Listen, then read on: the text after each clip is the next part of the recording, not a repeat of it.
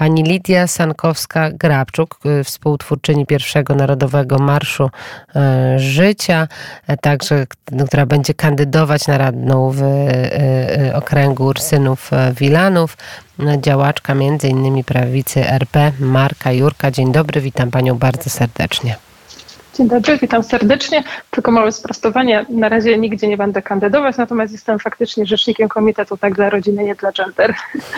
E, przepraszam, jakiś mały błąd się wkradł. W takim razie opowiedzmy, e, czego przede wszystkim dotyczy ten projekt ustawy.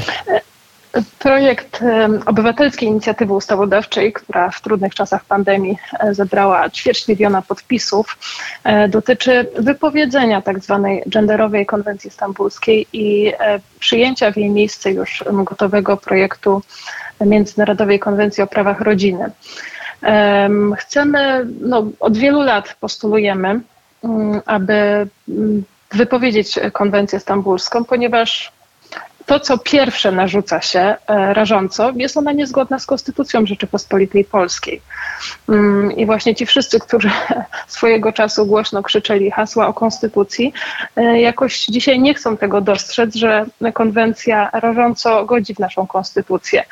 I tutaj może pośród wielu różnych takich niezgodności, na początku powiem tylko, że już w artykule trzecim e, konwencji stambulskiej mamy wprowadzenie pojęcie płci społeczno-kulturowej, która to płeć oznacza według konwencji społecznie skonstruowane role zachowania, działania e, dla, odpowiednie dla kobiet lub mężczyzn. Natomiast w polskim systemie prawnym nie ma takiego pojęcia.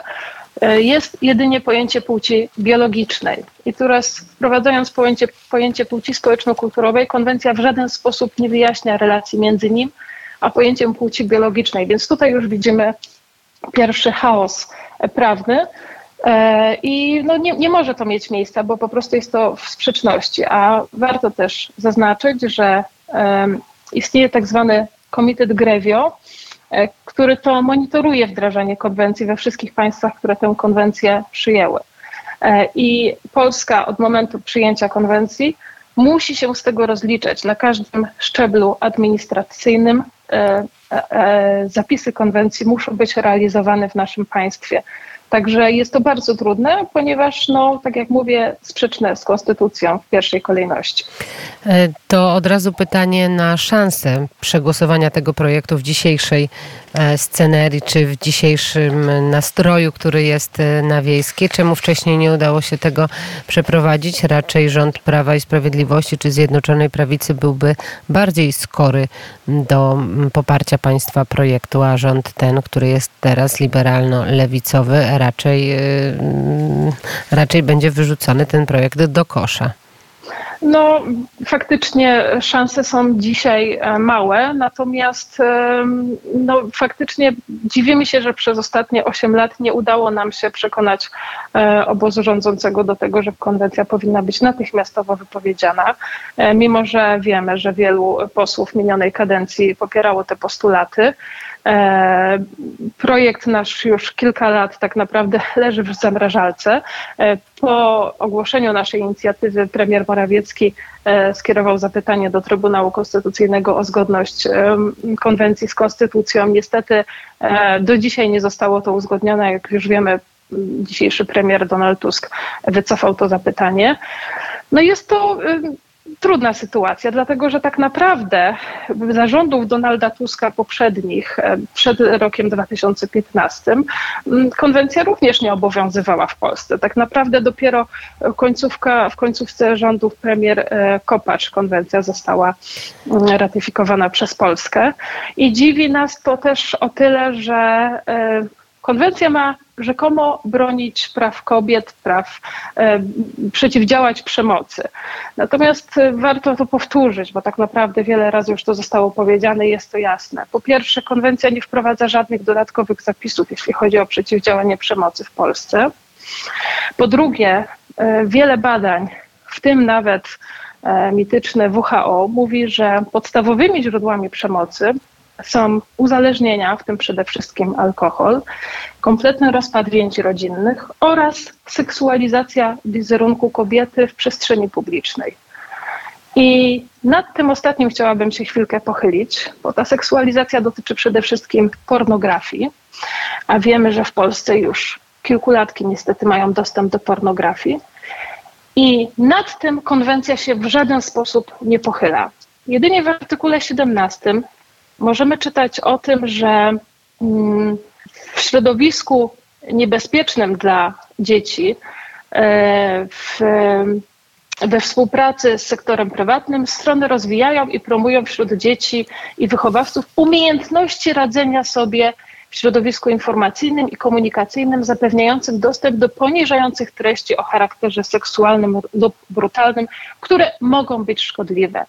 Czyli nie dość, że konwencja nie nazywa wprost pornografii pornografią, nie dość, że jedynie potencjalnie zakłada, że mogą być one szkodliwe, to w żaden sposób nie chroni dzieci i wszystkich innych ludzi przed pornografią, a jedynie zakłada umiejętność poradzenia sobie w takim środowisku. I to jest przerażające, bo pornografia szerzy się na e, niesamowitą skalę. Jest to, są to naprawdę brutalne akty przemocy seksualnej wobec kobiet i nastolatek. I dziwi mnie to, że te wszystkie feministki, które tak bardzo krzyczą o e, przemocy wobec kobiet, a też warto zauważyć, że oczywiście w Polsce przemoc istnieje, ale jesteśmy na szczęście na chlubnym końcu, jeśli chodzi o mm, e, przemoc, e, czy wobec kobiet, czy przemoc innego typu, przy bardzo wysokiej raportowalności te, tego zjawiska. Natomiast e, o pornografię feministki się w ogóle nie upominają. Tak jakby to nie był problem. I naprawdę bardzo mnie to dziwi. Z tego miejsca mogę jedynie zaapelować, żeby wszystkie posłanki się obudziły i faktycznie zawalczyły o to, co jest istotne. A te zapisy mamy w projekcie Konwencji o prawach rodziny.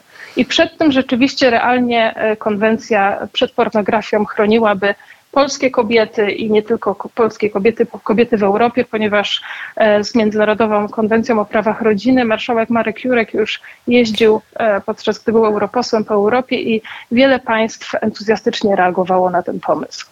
To, to jeszcze raz e, powiedzmy, te mechanizmy przeciwdziałania przemocy nie są e, w żaden sposób e, bardziej chroniące polskie kobiety, więc tak na dobrą sprawę, co ta konwencja stambulska wnosi nowego do polskiego prawodawstwa? Dlaczego ona jest ważna? Dlaczego ona jest taka istotna i, i, i promowana przez um. różne kraje? To znaczy, konwencja nie dość, że nie wnosi nic nowego, to jeszcze upatruje źródło przemocy nie tam, gdzie ono faktycznie występuje. E, według, tak jak mówiłam, bardzo szkodliwe jest wprowadzenie now, nowego, nowej definicji płci, która nie występuje w polskim prawie. E, I konwencja upatruje jakby źródło przemocy w tradycyjnych rolach kobiet i mężczyzn, to w artykule 12 konwencji możemy przeczytać, które mają być wykorzenione e, z porządku prawnego. I dlaczego ona jest ważna?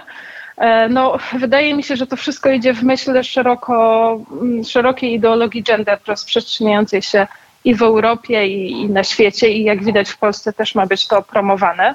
Natomiast no, ja chcę podkreślić, że absolutnie ona nie powinna być ważna, ona powinna być wypowiedziana dzisiaj, tu i teraz E, ponieważ Polska ma odpowiednie narzędzia do walki z przemocą. Konwencja nic dobrego nie wnosi, a wręcz może działać przeciwskutecznie, bo tak jak mówię, nie zajmuje się um, faktycznymi źródłami przemocy, tylko upatruje je, mówiąc wprost, w tradycyjnych rolach kobiet i mężczyzn, czyli w naturalnej rodzinie.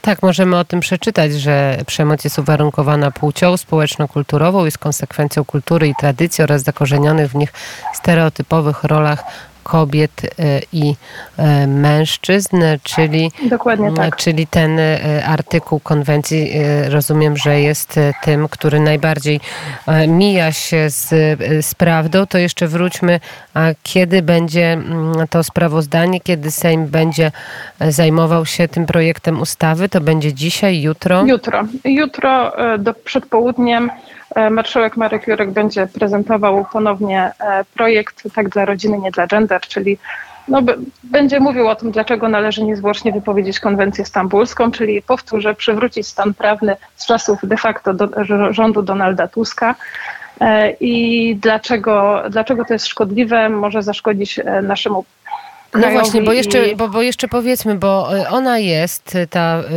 y, konwencja od 2011 roku, bo tam właśnie w Stambule została tak. uchwalona. Czy ona rzeczywiście ma realny wpływ na y, polskie prawodawstwo, na, y, na polskie kobiety, na polskie rodziny, czy trochę to jest taki martwy akt prawny? Zostało nam dwie minuty. Niestety nie jest to martwy akt prawny, ponieważ e, konwencja jest drugim po konstytucji aktem prawnym e, w hierarchii aktów prawnych w Polsce, więc musi być realizowana. E, co więcej, tak jak wspomniałam na początku, jest Komitet Grewio, który to monitoruje i z którego co roku musimy zdawać sprawozdania na każdym szczeblu administracyjnym. Nawet pracownicy ośrodków pomocy społecznej są szkoleni w myśl konwencji i znamy już przypadki na przykład odbierania dzieci rodzicom rodzinom wielodzietnym, bo na przykład jest ich za dużo, albo bo jakieś dziecko uzna, że jego przyjacielem jest Pan Bóg, czyli to już są ideologiczne e, po prostu sytuacje w myśl niestety konwencji stambulskiej. Także nie ma możliwości ominięcia tego prawa.